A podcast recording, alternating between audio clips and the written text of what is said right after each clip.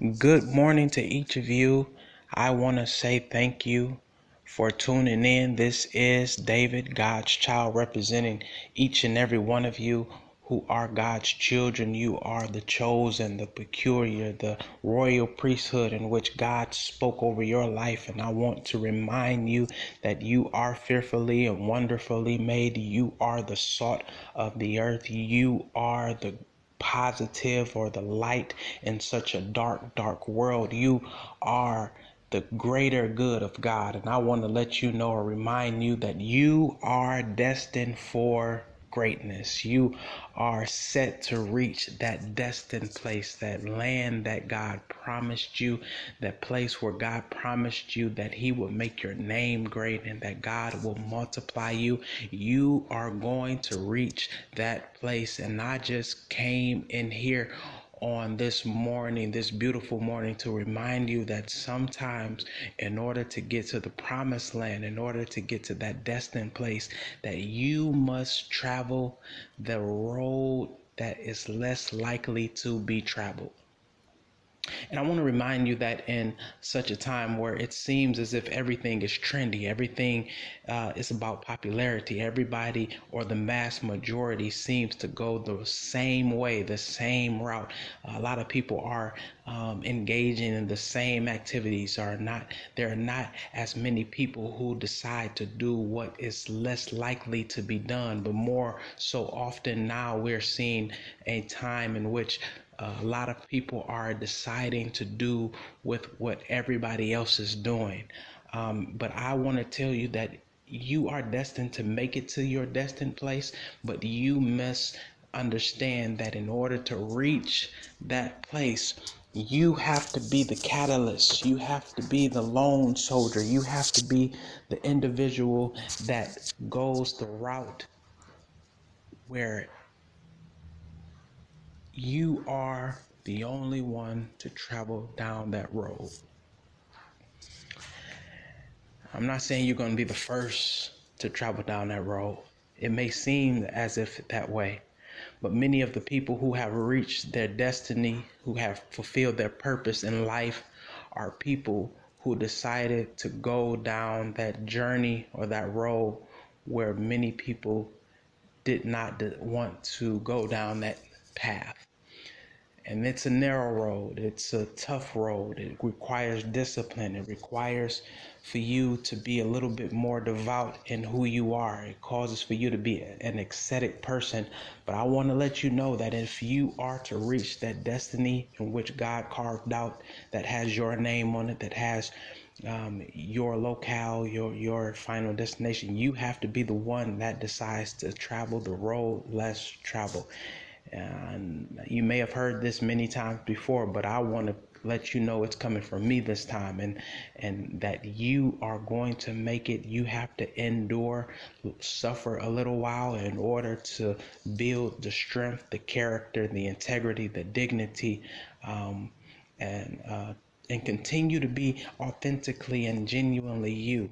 The thing about the majority and, and majority sometimes those people are find themselves, find their identity within others.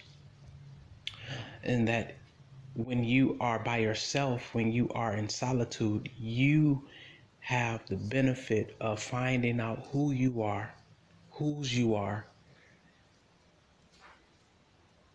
and you don't need the identity of someone else to discover who you are.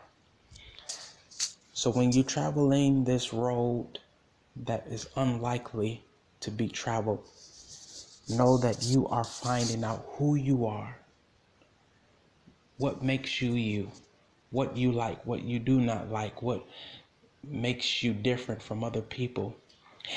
And you need to find this thing out because there is somebody on the other side waiting to get your story, waiting to hear your testimony, waiting to receive your narrative because they're trying to figure out how I'm going to make it.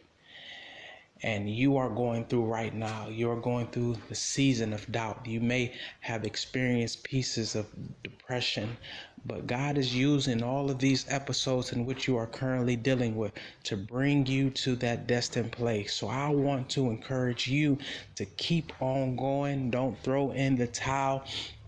I know that sometimes life uh, presents challenges that seem to be overwhelming. I know that things get difficult, things get tough, and it's easier for you to throw in a towel or you to say, I quit. But this is not the time for you to quit. Actually, this is the time for you to go harder. This is your time for you to fight a little bit harder and know that your destined place is on the way. Do not give up. I don't know who I'm speaking to, and I just want to come on here and motivate you just a little bit to keep on enduring, keep taking your steps. Don't stop now. Don't give in to the race. Keep running your race swift and at your pace and keep learning yourself. Keep meeting different people. Keep building those ideas.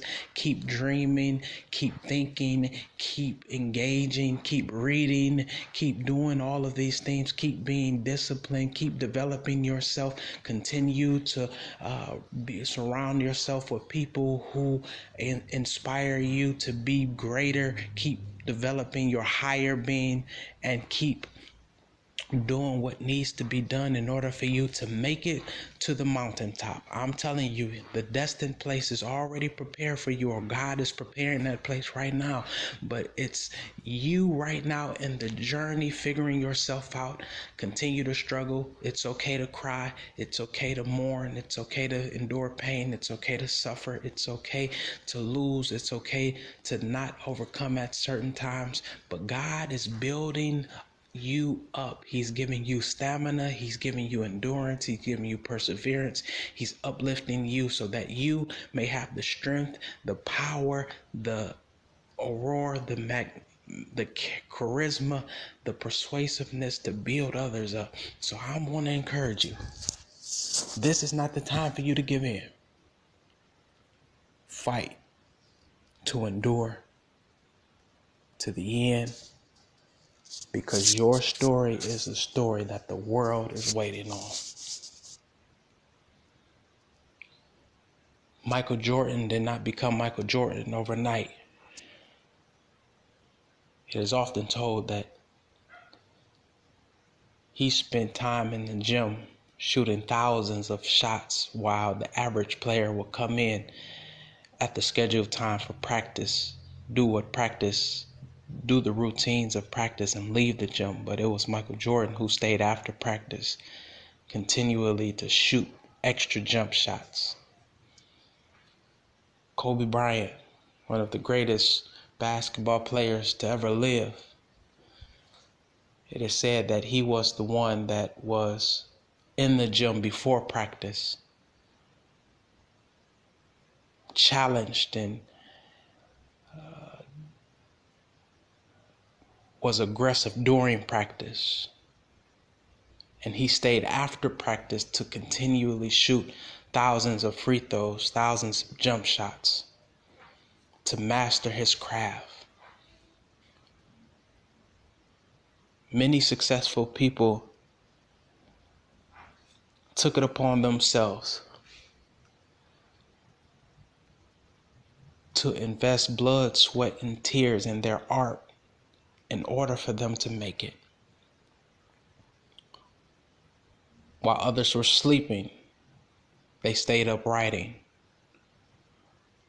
While others spent their leisure time frivolously, successful people spent time developing their plans.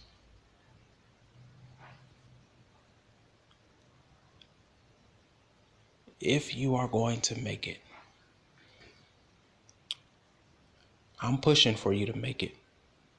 But I want you to know this is not your time to give up.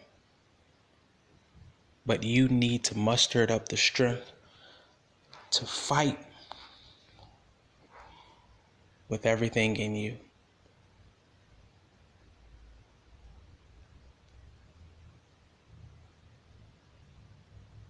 Your testimony, your story is going to be a powerful story if you do not give up.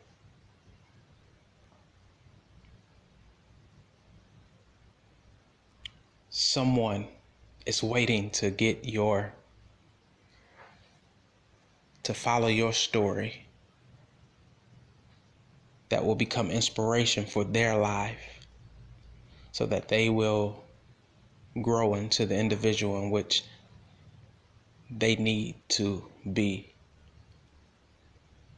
So don't give up. I can't overemphasize. Don't give up. Don't throw it a towel. Keep on going. Because the world is waiting on your gift. You are destined to reach greatness. And you will make it.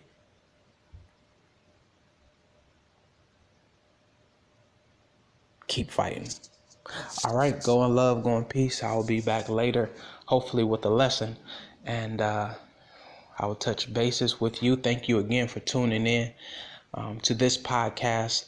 I hope, I pray that something that I said encouraged you to keep on living, making you well, that is stirring something up in you to persevere and endure to the end.